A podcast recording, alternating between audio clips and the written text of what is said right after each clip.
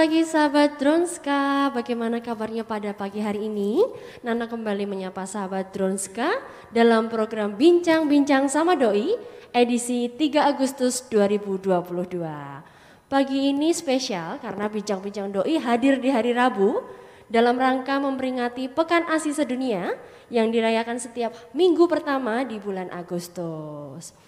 Nah, pada pagi hari ini kita akan membawakan tema mengenai pentingnya ASI eksklusif untuk tumbuh kembang anak. Bersama dengan narasumber kita pada pagi hari ini, Dr. Carolina Kurniawan, spesialis anak Master of Science. Selamat pagi, bagaimana kabarnya dok? Selamat pagi Mbak Nana, baik. Sehat selalu ya dok ya? Sehat selalu. Oke, sahabat Droska tentu sudah banyak nih dok pertanyaan mengenai tumbuh kembang buah hati. Nah bagi ini untuk sahabat Dronska yang sudah bergabung bisa langsung menyampaikan di kolom komentar saja pertanyaannya. Nanti akan kita coba jawab ya dok ya. Iya. Kita coba jawab untuk bisa memberikan edukasi untuk sahabat Dronska di rumah. Dan juga ada giveaway dok dari rumah sakit untuk dua sahabat Dronska yang beruntung nanti akan kita infokan di hari Sabtu ya. Biasanya di hari Minggu karena kita tayang hari Rabu jadi nanti pengumuman giveaway-nya di hari Sabtu. Jadi sahabat Dronska jangan lupa untuk terus mengikuti Instagram kita ya. Oke, langsung saja mungkin ya dok ya. Ini akan ada pemaparan dari dokter Carolina mengenai pentingnya ASI eksklusif untuk tumbuh kembang anak. Dipersilahkan dok. Terima kasih Mbak Nana. Selamat pagi, salam sejahtera sahabat Dokter Unska semuanya ya. Senang sekali kita bisa uh, memeriahkan ini pekan menyusui sedunia pekan ya. Menyusui sedunia. Uh, uh, untuk tahun ini kita ambil tema dari uh, pekan menyusui sedunia ini berperan lebih untuk menyusui, mendukung dan mengedukasi ya. Oke, seperti yang kita tahu bersama, ASI ini ya uh, cairan yang sangat berharga yang komposisinya mungkin uh, tidak bisa ditiru sampai saat ini, nggak bisa diduplikasi dengan e, cara apa pun ya. Oke, mungkin saya bisa tunjukkan slide-nya ya, komposisi ASI. Setetes ASI ini mengandung 200 lebih komponen ya. Jadi e, di situ mengandung air, kemudian mengandung lemak, ada karbohidratnya, ada proteinnya, ada vitaminnya ya kemudian ada hormon-hormon, kemudian mengandung zat untuk uh, kekebalan tubuh atau antibodi ya. Ini eh, zat-zat yang tidak bisa ditiru dengan uh, pemberian cairan yang lain. Yang mana komposisi ASI ini juga customize ya. Jadi uh, bayi yang baru lahir dengan bayi yang sudah usia 2 bulan, 3 bulan Uh, komposisi asinya berbeda ya. Kemudian uh, bayi yang lahirnya prematur dengan bayi yang lahirnya mungkin uh, cukup bulan, komposisi asinya juga berbeda ya. Jadi asi ini begitu uh, amazing ya. Jadi isinya berbeda, kemudian juga uh, setiap waktu rasanya, isinya, komposisinya berubah. Namun itu semua sudah mencukupi kebutuhan bayi ya. Yang disebut asi eksklusif ya adalah menyusui uh, atau memberikan asi selama enam bulan pertama tanpa tambahan susu yang lain dan dilanjutkan uh, ASI plus MPASI atau makanan pendamping ASI setelah usia enam bulan ya. ASI bisa dilanjutkan sampai setidaknya dua tahun. Nah itu kita katakan ASI eksklusif. eksklusif. Yeah. Okay. Tentu saja ASI eksklusif ini uh, karena tadi yang diberikan adalah ASI cairan yang begitu berharga, cairan cairan yang begitu uh, bergizi ya Tentu saja ASI eksklusif ini memberikan banyak keuntungan baik bagi ibu, bagi bayi, bahkan sekarang uh, sedang mulai ramai dibincangkan bagi lingkungan ya. Jadi untuk bayinya karena tadi si ASI ini mengandung berbagai zat yang dibutuhkan tubuh, customize ya tiap bulan, tiap perkembangan anak seiring bertambahnya usia komposisi asinya berubah sehingga kan itu mencukupi kebutuhan nutrisi bayi sesuai usianya Kemudian juga karena adanya zat-zat yang mengandung kekebalan tubuh dan sebagainya tadi, tentu itu meningkatkan daya tahan tubuh anak ya. Selain itu, nutrisi yang terkandung di dalam ASI itu paling mudah untuk diserap ya. Ya karena dari manusia ke manusia ya, jadi ya. Komposisinya paling mudah untuk diserap. Nah, kemudian untuk dari sisi si ibu sendiri uh, menyusui ini juga satu menurunkan berat badan ya kan. Setelah melahirkan biasanya ibu-ibu bingung ya bentuk badannya berubah ya kan. Kemudian um, beberapa penelitian menunjukkan bahwa menyusui ini juga menguntungkan ibu dengan menurunkan resiko penyakit-penyakit kanker, kemudian diabetes, hipertensi dan sebagainya. Kemudian isu yang terbaru tadi yang lingkungan ya dengan memberikan ASI e, menurunkan sampah karbon, sampah kaleng, sampah ini. Yeah. Jadi e, karena kan kita nggak mengambil apa pun dari alam ya, Betul. jadi dan tidak membuang apa pun ke alam Betul, ya kan. Nah jadi e, isu yang mungkin terakhir-terakhir ini cukup banyak diangkat selain memberikan keuntungan untuk e, ibu dan bayi, bayi. ASI eksklusif juga memberikan keuntungan untuk lingkungan, lingkungan. kita ya. Nah, e, kunci atau keberhasilan menyusui ini ada dua. Yang pertama posisi sama perlekatan. Mungkin pernah dengar ya Mbak ya, posisi menentukan prestasi Betul ya. Betul sekali dong. nah ini posisi menentukan keberhasilan menyusui ya. Ada banyak sekali posisi ini saya mungkin bisa tayangkan sedikit uh, beberapa contohnya saja posisi-posisi menyusui ya. Uh, ini kebetulan saya, saya ada boneka ya Ya apa-apa bisa. Oke. Okay. Okay. Nah, uh, pada prinsipnya ketika menyusui ya, usahakan ini kepala, leher sama badan bayi ini dalam satu garis lurus. Jadi bayinya nggak nekuk gitu ya badannya ya. Nah, kepala bayi atau wajah bayi ini usahakan menghadap ke ibu. Demikian pula dengan badan bayi. Jadi sering terjadi nih, kepalanya ngadep ibunya, badannya hadap sana nih, hadap ke langit ya. Kan nggak enak buat iya, menyusu ya. Betul. Kemudian uh, sangga kepala bayi sampai punggung. Jadi jangan bayinya dicekek gini ya. Nah, okay. jadi yang disangga sampai ke punggung, punggung ya, ya, betul. Ya. Ini ada contoh-contoh beberapa posisi, mungkin saya bisa contohkan ya, seperti kalau untuk yang berbaring ini agak susah ya nyontoinya, nggak ada kasurnya mbak. mungkin okay. yang bawah itu, yang tiga ya kita bisa lihat di situ. Yang pertama ini biasanya kita sebut cradle hold ya, jadi siku kita. Nah ini untuk bantal, nah tangan kita menyangga sampai ke punggung bayi, jadi bukan begini. Nah, oh jadi sampai, ke ya punggung. Ya iya betul. Kemudian bayinya menghadap kita.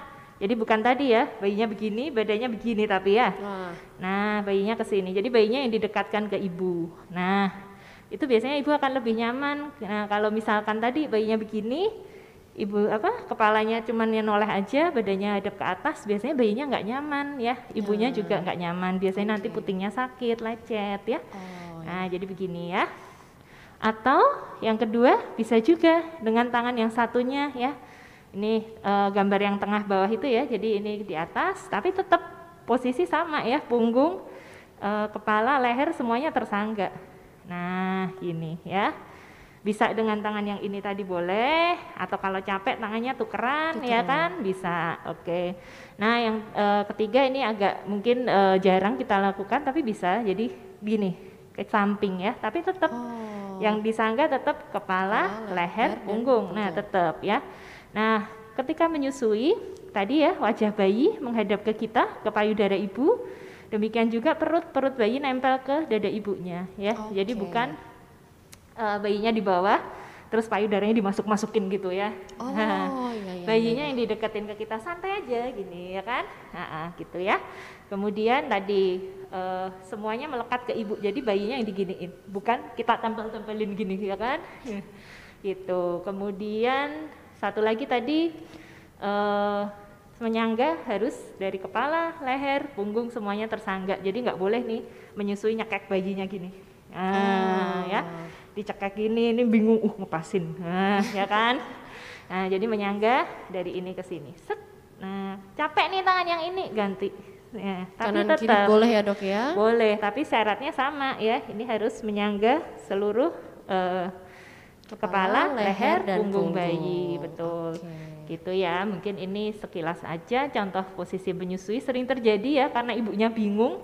Payudaranya dipegangin, bayinya taruh di bawah ya kan, di pangku begini, uh gitu ya. Nah, itu bisa jadi sakit dua-duanya ya dok ya, iya, ibunya, sakit juga. Sakit juga. Punggung, kan? Betul sekali. Belum nanti putingnya juga lecet okay. ya. Oke. Okay. Itu masalah posisi menyusui. Nah, kalau posisi menyusuinya benar, kemungkinan besar kita akan mendapatkan perlekatan menyusui yang benar ya. Nah, ini jadi saya ada gambar nih bagaimana perlekatan menyusui yang benar ya. Okay. Di slide selanjutnya mungkin ya untuk perlekatan. Nah, kita lihat di gambar itu Gambar A dan gambar B itu menunjukkan bagaimana kalau perlekatan menyusuinya benar. Jadi kita lihat di situ yang masuk ke dalam mulut bayi itu tidak hanya sekedar putingnya saja, tapi termasuk daerah hitam atau kita sebutnya areola di sekitar puting ya. Jadi bayi tidak hanya gigit putingnya aja. Karena kita lihat ya di gambar itu di sekitar puting itu banyak sekali saluran susu ya. Hmm. Nah, kalau kita bisa masukkan semakin banyak daerah di sekitar puting itu makin banyak ASI yang bisa didapatkan oleh si bayi. Nah, kemudian di gambar yang C dan D itu bagaimana kalau perlekatannya tidak pas, nggak benar ya. Jadi kurang kurang nyaplok gitu kan ya. Yeah. Nah, untuk gambar yang uh, bawah itu ya, kita lihat di situ bayi cuma dapat putingnya Sedikit doang. Ya. Iya. Nah, kalau dapatnya cuma sedikit, kita lihat juga saluran payudaranya banyak yang nggak ikut kecaplok dia kan. Nah, sehingga dapat asinya juga nggak maksimal, ya. Kita lihat kalau perlekatannya betul di sini uh, mulut bayi terbuka lebar ya dibandingkan sama yang bawah itu kan mulutnya yang atas lebih apa ya nyaploknya gede ya yang bawah tuh yeah. cuma nyuncut kecil gitu kemudian uh, kalau kita lihat gambar yang atas atau yang benar tadi itu bibir bayinya sampai doer gitu ya. nah, yang sedangkan yang bawah ini bibir bayinya cantik banget ya, bibir iya, manis. Bibir manis. Tapi ternyata itu nggak mendapat banyak ASI dengan posisi seperti itu ya. Kemudian dagu bayi akan menempel di payudara ibu kalau posisinya tepat. Oh. Sedangkan kalau tadi cuma dapat putingnya, dagunya jauh tuh. Jauh. Iya betul gitu ya. Nah, sama e, kalau kita lihat tadi dengan perlekatan yang baik, sebagian besar areola akan masuk ke mulut bayi. Jadi tidak hanya putingnya saja, ya. Jadi itu tadi mungkin per posisi dan perlekatan ya. Tadi sekali lagi posisi itu menentukan prestasi. ya, posisi menyusui ini menentukan seberapa ASI yang akan kita dapat ya. Oke. Nah, mungkin masalah atau pertanyaan klasik bagi ibu-ibu sekalian yang menyusui adalah cukup nggak sih asinya? itu. Anak ya. saya nangis terus dok. Gimana iya, dok? udah cukup ya. Eh udah capek netein dari pagi siang sore malam 24 jam online nyusuin ya. terus. Tapi sebenarnya cukup nggak sih nih anak gitu kan ya? E, banyak sekali indikator apakah asi cukup atau tidak ya. Yang pertama e, mungkin kita bisa lihat tadi bayinya nyaman nggak menyusui? Setelah menyusui biasanya kalau bayi kenyang bisa tidur ya. Okay. kemudian tanda lain yang mungkin bisa dilihat adalah kencing ya. Saya mungkin mbak Nana teman-teman atau ibu-ibu sekalian semuanya juga kalau e, minumnya banyak pasti pipisnya, banyak sering, dong. Ya, betul, betul dok. ya, tapi kalau minumnya sedikit, pipisnya sedikit. Betul. Nah, bayi pun begitu, karena nutrisinya hanya dalam bentuk cairan. Kalau asinya cukup, asinya banyak, pasti pipisnya juga banyak. Banyaknya sampai seberapa sih gitu kan? Rata-rata bayi itu akan kencing atau buang air kecil 6 sampai 8 kali dalam 24 jam. Jadi sekitar 3-4 jam sekali akan buang air kecil ya. Oke. Okay. Oke. Okay. Itu tadi semua mungkin indikator yang cukup subjektif karena kita harus menilainya uh, dari apa penglihatan ya. Nah untuk indikator yang paling objektif apakah menyusui itu asinya cukup atau enggak ya berat badan bayi ya. ya okay. Nah seandainya dengan pemberian asi saja berat badan bayi naik dengan baik ya asumsi kita asinya cukup, cukup. ya. Kalau dengan menyusui saja kemudian uh, berat badannya kok nggak naik? Atau naik tapi nggak sesuai target yang seharusnya? Ya kan kita punya target nih kenaikan berat badan bayi harusnya berapa gitu kan? Ini naik sih tapi ya dikit doang gitu kan? Nah kita harus cari ada yang nggak pas nih kayaknya. Nah itu apa? Segera kita perbaiki ya. Nah mungkin dari saya sementara itu dulu Mbak Nana, mungkin wow. kita lebih banyak diskusi aja kali ya. Oke, luar biasa ya. Uh, materi dari Dokter Carolina ini pembukanya sudah banyak sekali yang bisa kita dapat mulai dari cakupan, pemberian ASI, posisi yang menentukan prestasi. Nah untuk sahabat terus kayak memberikan pertanyaan langsung saja, ini dimulai dari saya dulu berarti ya dok ya. Boleh. Kan gini dok, tadi manfaatnya sudah, mengapa ASI penting juga sudah di, sedikit disampaikan. hingga usia berapa juga sudah disampaikan kurang lebih enam bulan pertama sampai dua tahun boleh ya dok ya? Ya, disarankan sampai dua tahun atau lebih ya. Oke. Oke. Lalu jika nih dok, ibunya bekerja dok, Mm-mm. lalu tidak bisa memberikan sampai mungkin targetnya ini harus ditinggal bekerja dulu gitu. Maksudnya sehari tidak bisa menemani anaknya, tapi harus bekerja gitu dok. Itu gimana dok?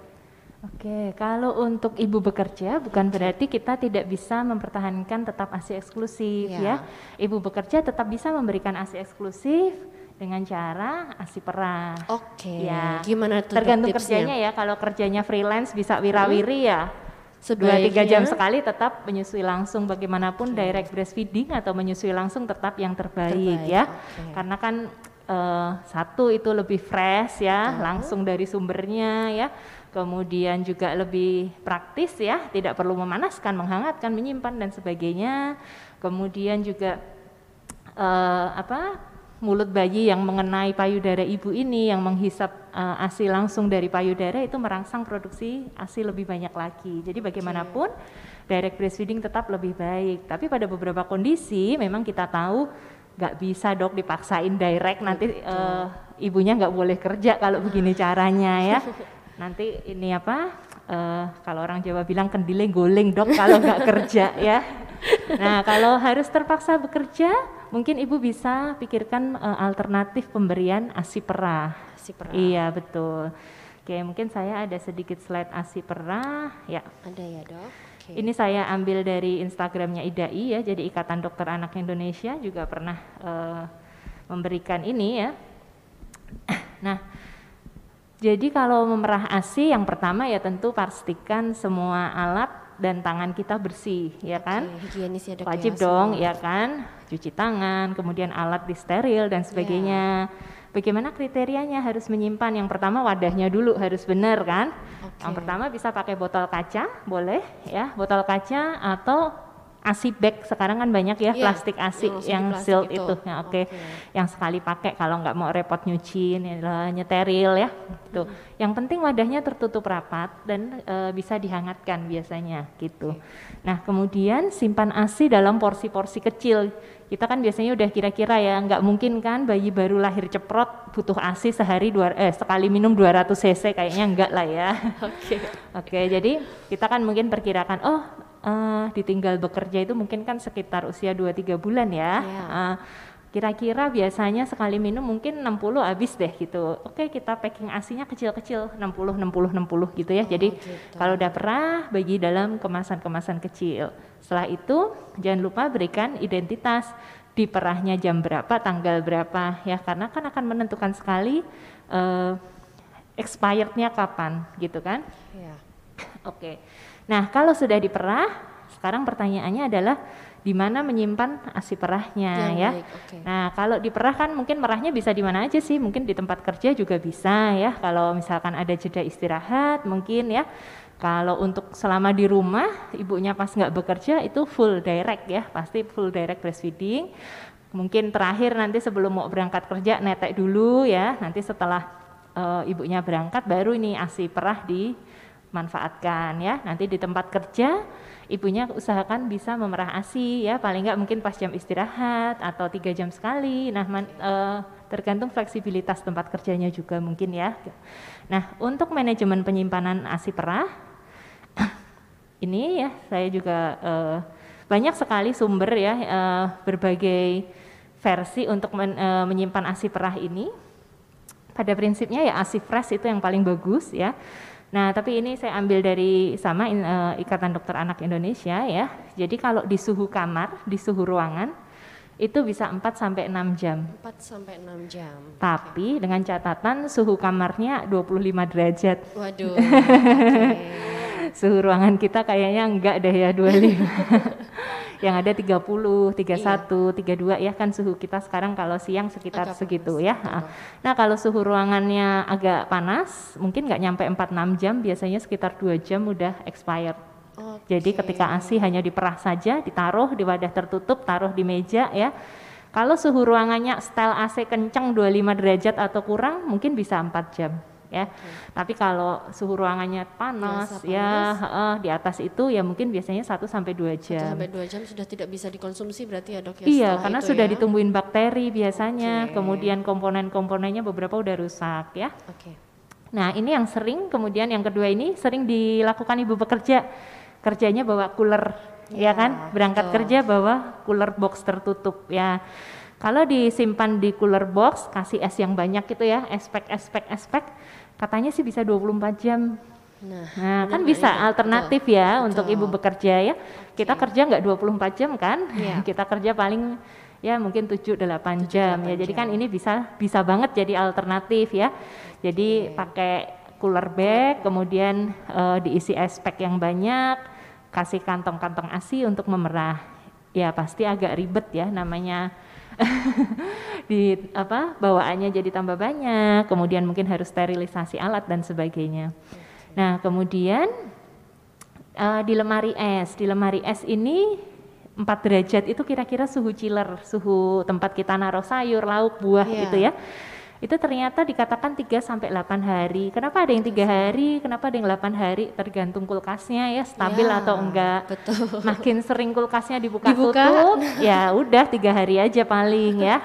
Oke. Tapi kalau kulkasnya jarang dibuka, suhunya stabil, ya mungkin bisa satu minggu lah kurang lebih ya 3 sampai 8 kita ambil biasanya satu minggu dengan catatan kulkasnya nggak sering dibuka Buka tutup. tutup.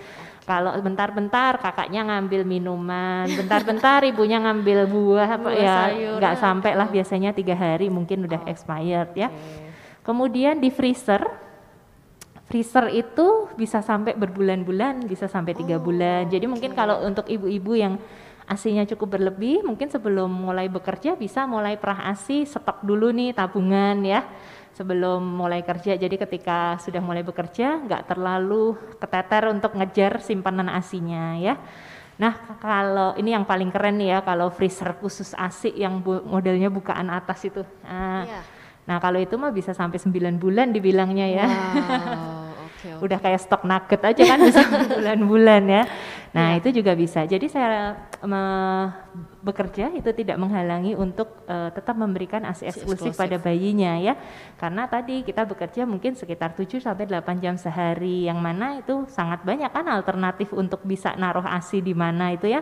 Mungkin di eh, kantornya ada kulkas yang bisa dimanfaatkan ya. Terus transportnya pakai cooler bag ya kan. Iya. Nah, itu juga bisa. Itu nah, bisa ya dok ya. sangat bisa tergantung niat dan usahanya bagaimana ya. Oke, luar biasa. Harus nekat sih kalau mau ASI eksklusif nih, kalau enggak ya setengah-setengah nanti. Iya, Ya, oke. Karena memang manfaatnya ASI eksklusif ini kan memang tadi penting sekali ya dok iya, ya. jadi kita harus ngoyo sedikit ya. ya sedikit lah ya, nggak apa-apa ya. Oke, dok ini sudah ada pertanyaan nih dok dari sahabat Dronska. Dari Meitra Dotsari, dok apakah ASI encer tanda kalau kualitas tidak bagus? Nah, ini gimana nih dok?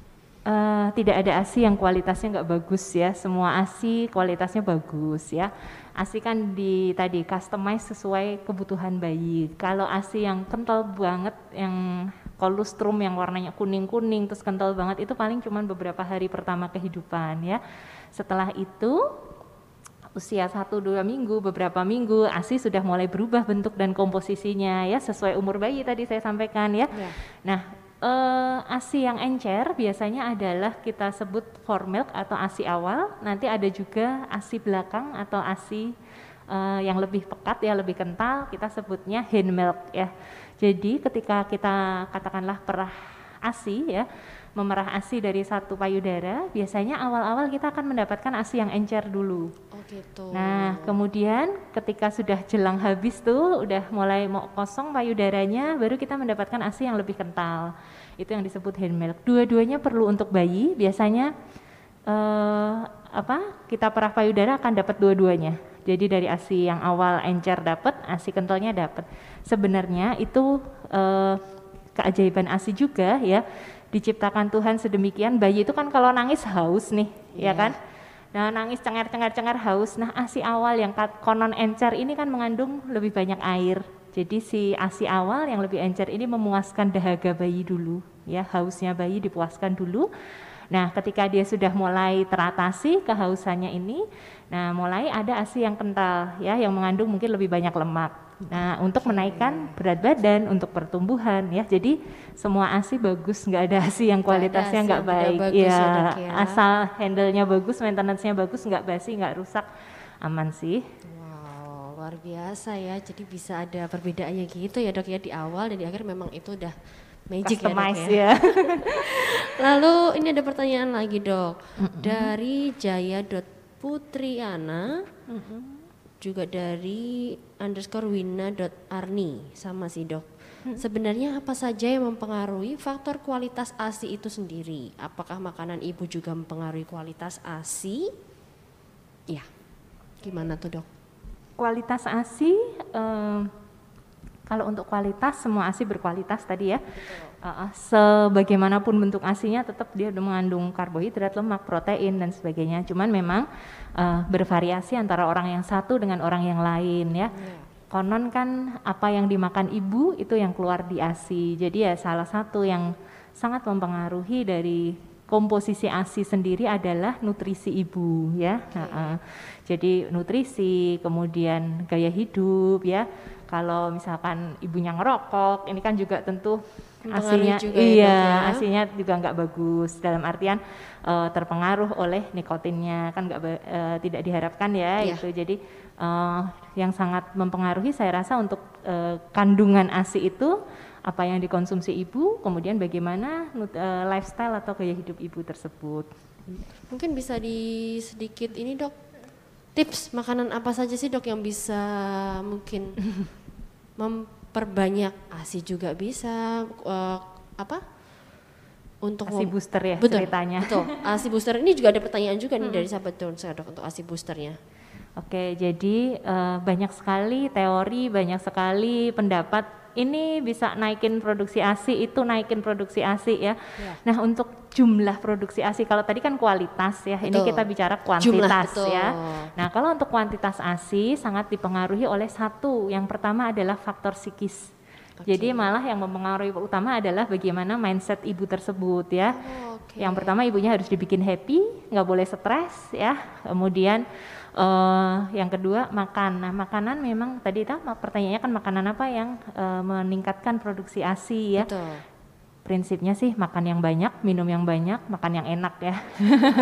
kan kalau makan banyak, makan enak ibunya happy kan berarti. betul oh gitu Kalau ibu happy ASI banyak ya. Heeh, kemudian jadi eh, yang bisa bikin ASI booster apa yang bisa jadi ASI booster adalah apa yang membuat ibu mood boosternya bagus ya. Kemudian makan banyak, minum banyak tadi ya apa yang ibu sukai. Beberapa orang dengan makan sayur-sayuran Oke, katanya eh, daun ini, daun itu bisa meningkatkan produksi ASI. Kalau saya pribadi silahkan dicoba. Beberapa orang it works, bekerja atau bermanfaat pada beberapa orang, tapi beberapa orang yang mungkin eh, pada dasarnya si ibu tersebut kurang suka terhadap makanan itu misalkan sama daun X gitu ya. Ya. Ibunya emang nggak doyan sebenarnya. Oh. Kalau dipaksa makan itu terus, ibunya stres mood dong ya, dok ya. Nah, Nah, mempengaruhi asinya juga ya mempengaruhi ya? ASI juga Oke. ya. Jadi eh, apa yang ibu suka, apa yang ibu eh, nyaman untuk nikmati, makan nutrisi seimbang ya. Jadi juga jangan cuman protein doang, jangan cuman sayur doang ya. Nutrisi ibu harus seimbang karena tadi apa yang dimakan ibu itu yang keluar di ASI kan.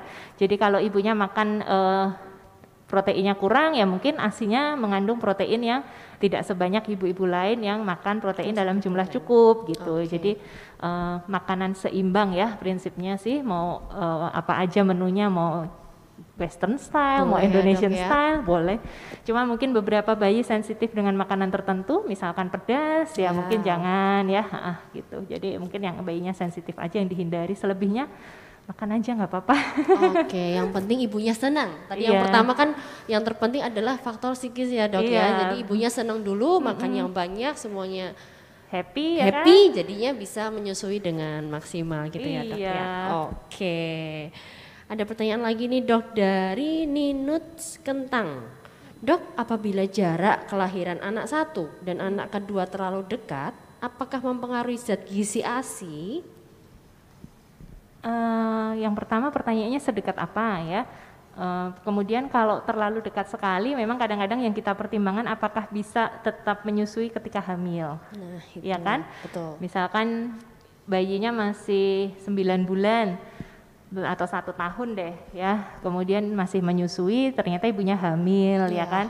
Nah, kira-kira memungkinkan nggak ya untuk menyusui? Nah, kalau itu uh, kita harus konsultasikan kondisinya ke dokter kandungan. Ada beberapa ibu yang bisa tetap melanjutkan menyusui, tapi ada beberapa ibu yang memang dengan sangat terpaksa kalau dilanjutkan menyusui akan membahayakan kehamilan gitu. Oke. Jadi itu kemudian kalau untuk mempengaruhi tadi kan pertanyaan kualitasnya ya. Iya, kualitasnya sih enggak. Ya Kualitas selama sama ya dok Iya, ya?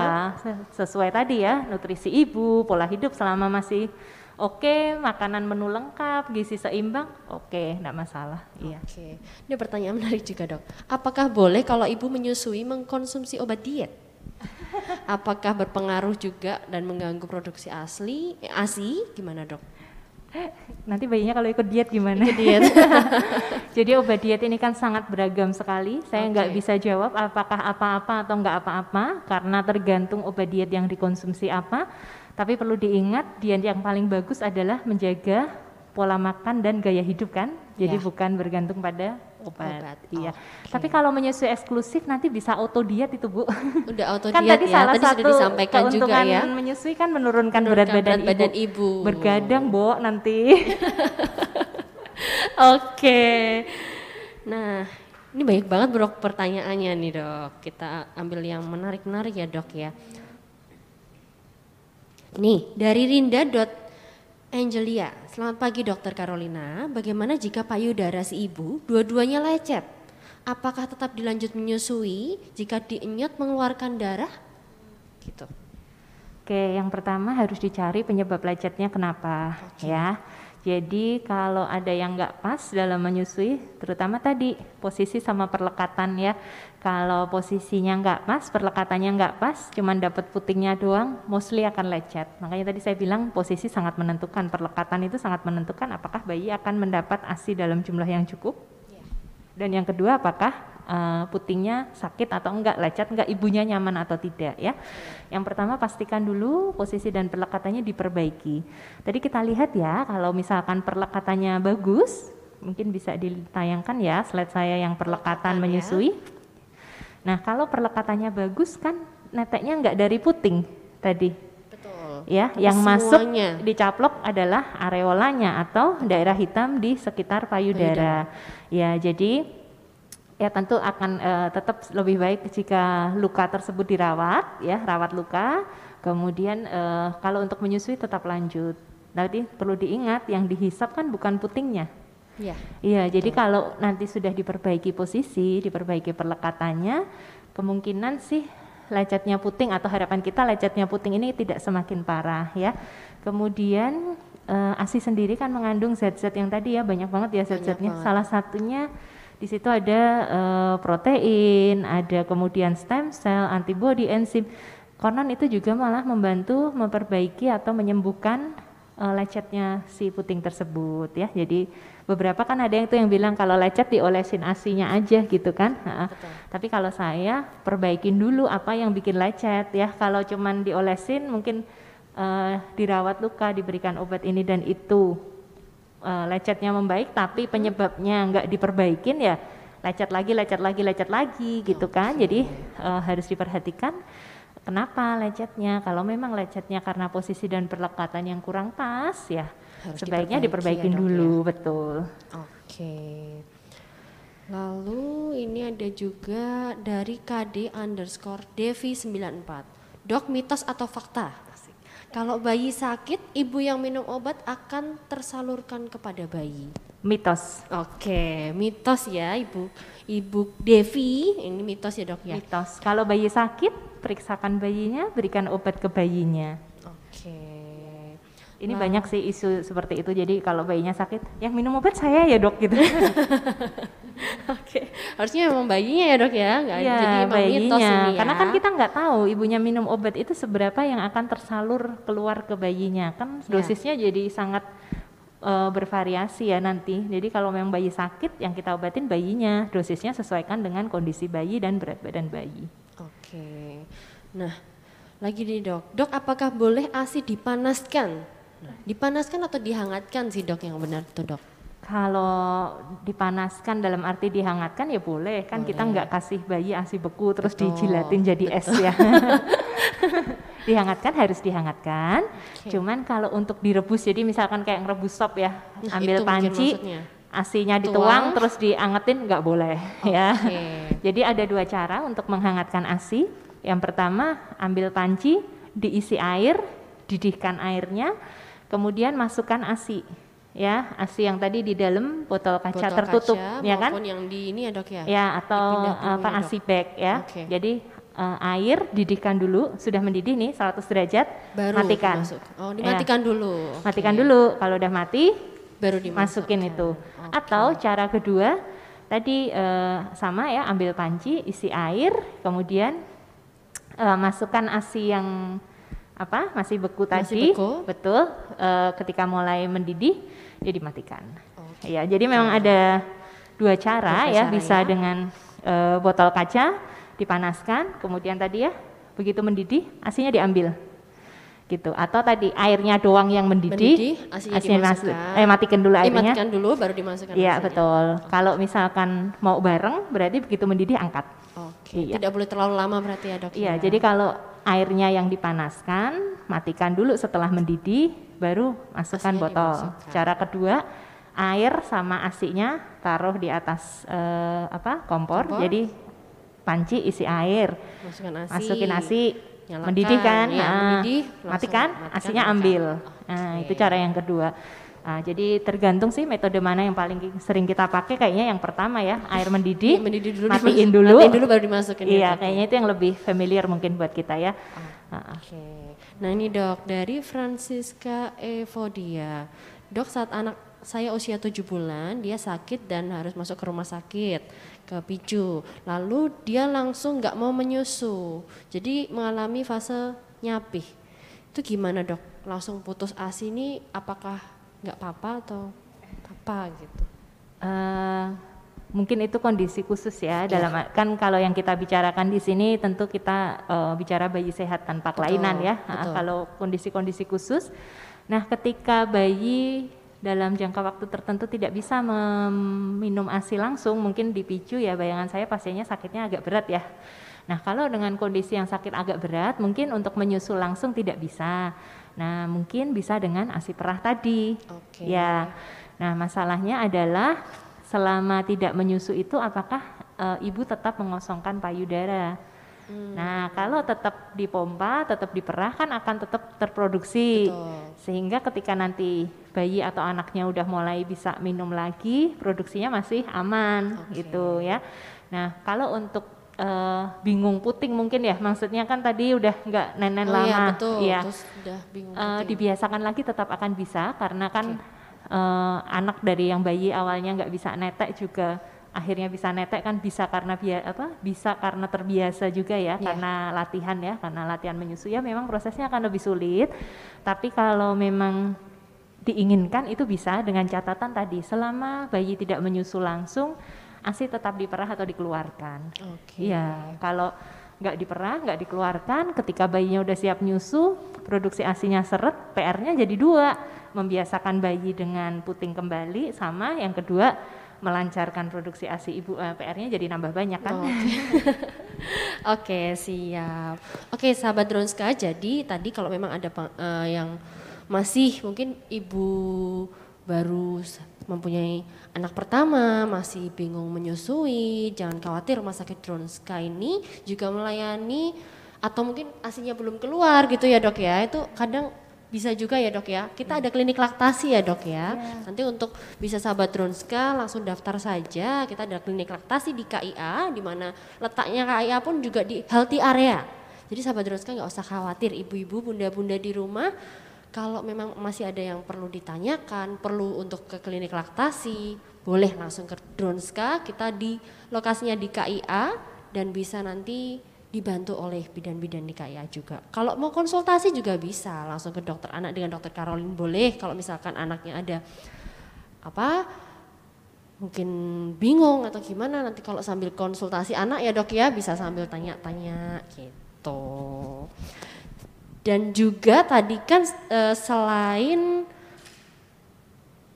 psikis, kita juga perlu mengkonsumsi makanan yang bergizi ya dok ya, yang seimbang. Ya. Nah sahabat Dronska bisa pesan di cafe diet. Nah rumah sakit Dronska tuh komplit dok dari layanan kesehatan sampai cafe diet yang bisa konsultasi juga sama ahli gizi bisa didapatkan di Dronska. Nanti sahabat Dronska bisa pesan via WA juga bisa di 0815763933 atau telepon ke nomor rumah sakit 643139. Oke, lanjut nih ya dok ya. Sebelum kita menutup, ini dok, kadang tuh ibu-ibu atau bunda-bunda di rumah tuh masih bingung nih. Ini anakku lapar nangisnya atau nangis karena apa? Itu ada tipsnya nggak sih dok mengetahui itu dok? Oke, jadi um, bayi kan nggak bisa ngomong, Betul. jadi memang harus kita yang anu ya apa? Mengetahui uh, harus ya, kita dok telepati ya, ya. telepati. Telepati sama bayinya. Oke saya mungkin ada gambar feeding cues ya pada bayi uh, bisa ditayangkan. Jadi uh, yang pertama ya tentu kita lihat jamnya dulu. Kira-kira lima menit yang lalu habis minum mungkin. Ya kalau dia nangis lagi misalkan ini udah minum udah tenang tadinya udah sempat tidur tiba-tiba nggak ada angin nggak ada hujan lima menit 10 menit kemudian nangis ya. Okay uh, kemungkinan bahwa itu nangisnya karena lapar kan mungkin lebih kecil karena habis minum ya. Jadi bayi nangis uh, tidak selalu mungkin minta minum, kita harus cek yang lain. Yang pertama mungkin minta ditemenin ya.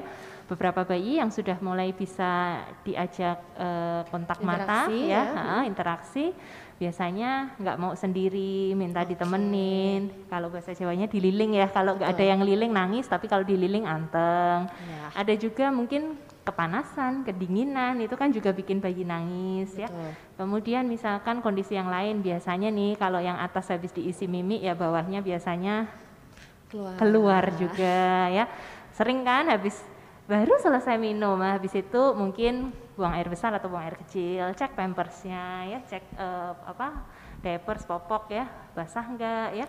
Nah jadi apakah bayi menangis selalu karena minta minum? Tidak tentu ya, dicari dulu penyebabnya kenapa ya. Ini beberapa feeding cues atau apa ya tanda-tanda mungkin ya. Awalnya biasanya cuman nengok-nengok doang ya, mulai nih Nah, kita lihat aja ini oh udah satu satu setengah jam nih habis minum mungkin dia memang haus ya. Kemudian mulai buka-buka mulutnya, okay. kemudian nyari-nyari gitu ya. Ini baru tanda awal. Kemudian tanda-tanda kalau uh, udah mulai lapar ya, dia akan menggeliat menggeliat mungkin kemudian makin gelisah biasanya tengok-tengoknya makin kenceng ya oh, gitu. kemudian ini mulai masukin tangan ke mulut biasanya hmm. kemudian uh, kalau udah beneran nih gue dan udah lapar banget ya. Nah biasanya ya tentu menangis, udah uh, tantrum ya, kemudian mukanya udah merah padam ya itu udah uh, late ya. Menyusu ya, ya udah ya. saatnya menyusu ya. Jadi untuk menenangkan bayi juga tidak harus selalu dengan menyusu tadi ya. Memang salah satunya kalau lapar ya nyusu Pasti gitu ya. nyusu, ya. Okay. Tapi bisa dengan cuddling ya, jadi ditimang ya. Timang. Kemudian skin to skin kontak, diajak ngobrol ya. ya.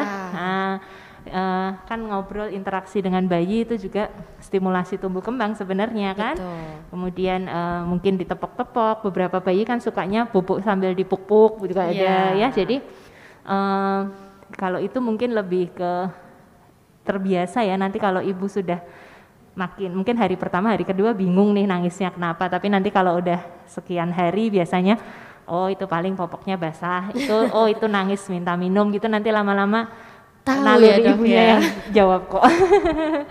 ya, jadi tidak selalu bayi hau, apa nangis minta minum, tapi memang okay. uh, eh, beberapa feeding cues pada bayi atau tanda-tanda bayi lapar tadi harus kita perhatikan. Tapi kalau memang bukan karena minta minum ya jangan dijejelin terus juga. Jadi enggak istilahnya uh, kalau senior saya bilang nggak ngekjel jadi tiap ngek jejelin ngek jejelin nggak juga ya jadi cari dulu penyebabnya apa okay. gitu ya karena kalau sekali ngek langsung jejelin belum tentu si anak mau, mau juga, juga ya. Nanti ya. malah ibunya bingung ya.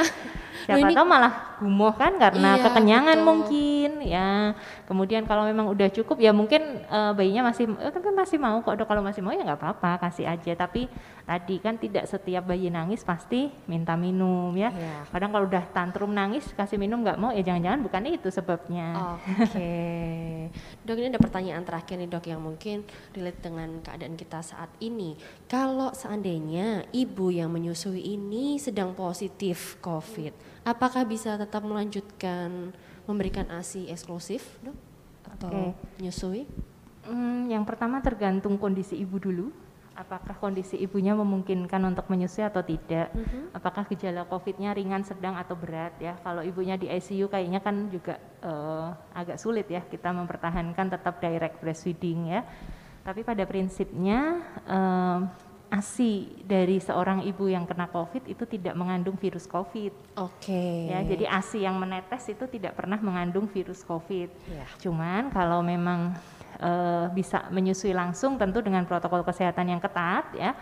Misalkan cuci tangan, alatnya steril, mungkin pakai masker ya. Beberapa juga ada yang bilang kalau menyusui atau ini pakai face shield dan sebagainya ya prinsipnya uh, mencegah atau mengurangi meminimalkan penularan.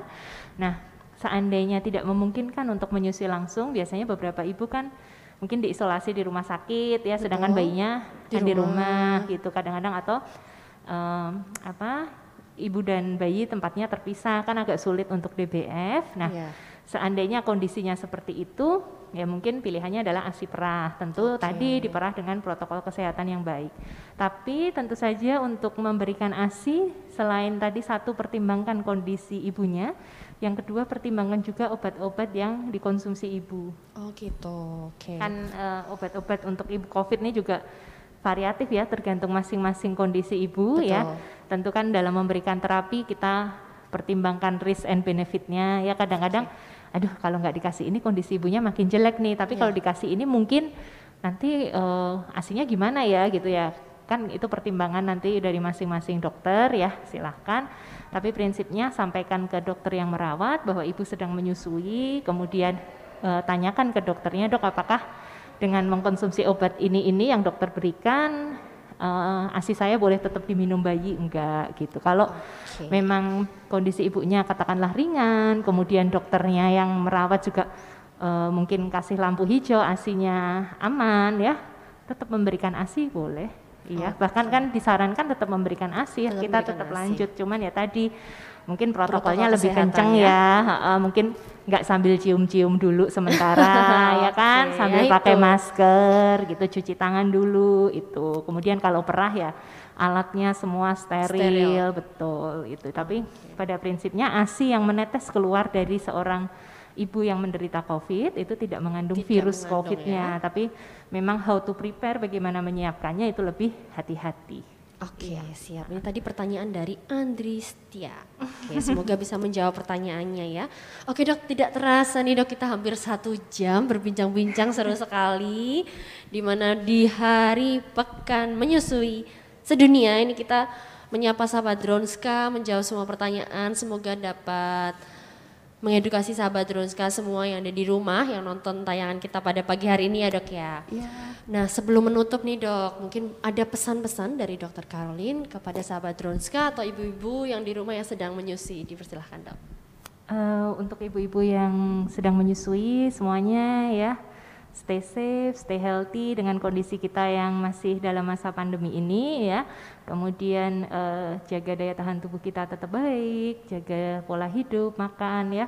Kemudian selain untuk ibu-ibunya, saya pesan untuk keluarga. Jadi karena uh, menyusui ini nggak bisa sendiri, Betul. kita butuh dukungan lingkungan dan keluarga yang baik sehingga untuk lingkungan sekitar, kemudian mungkin ada keluarga, kakek, nenek ya uh, suami berikan dukungan untuk ibu menyusui karena kalau ibu menyusui ini nggak dapat dukungan penuh dari keluarga yang ada nanti panik sendiri, panik stres sendiri, semuanya kayak merasa harus ngelakuin sendiri kan nanti panik ya. Nah, jadi selain untuk ibu menyusui tadi stay safe, stay healthy untuk kita semua, untuk uh, keluarga ya berikan dukungan uh, penuh untuk ibu menyusui karena manfaat menyusui sudah uh, kita tahu bersama sangat baik untuk perkembangan untuk tumbuh kembang bayi ya. Jadi uh, tolong dok, tolong didukunglah ini tolong ibu yang lagi ya, menyusui ini ya.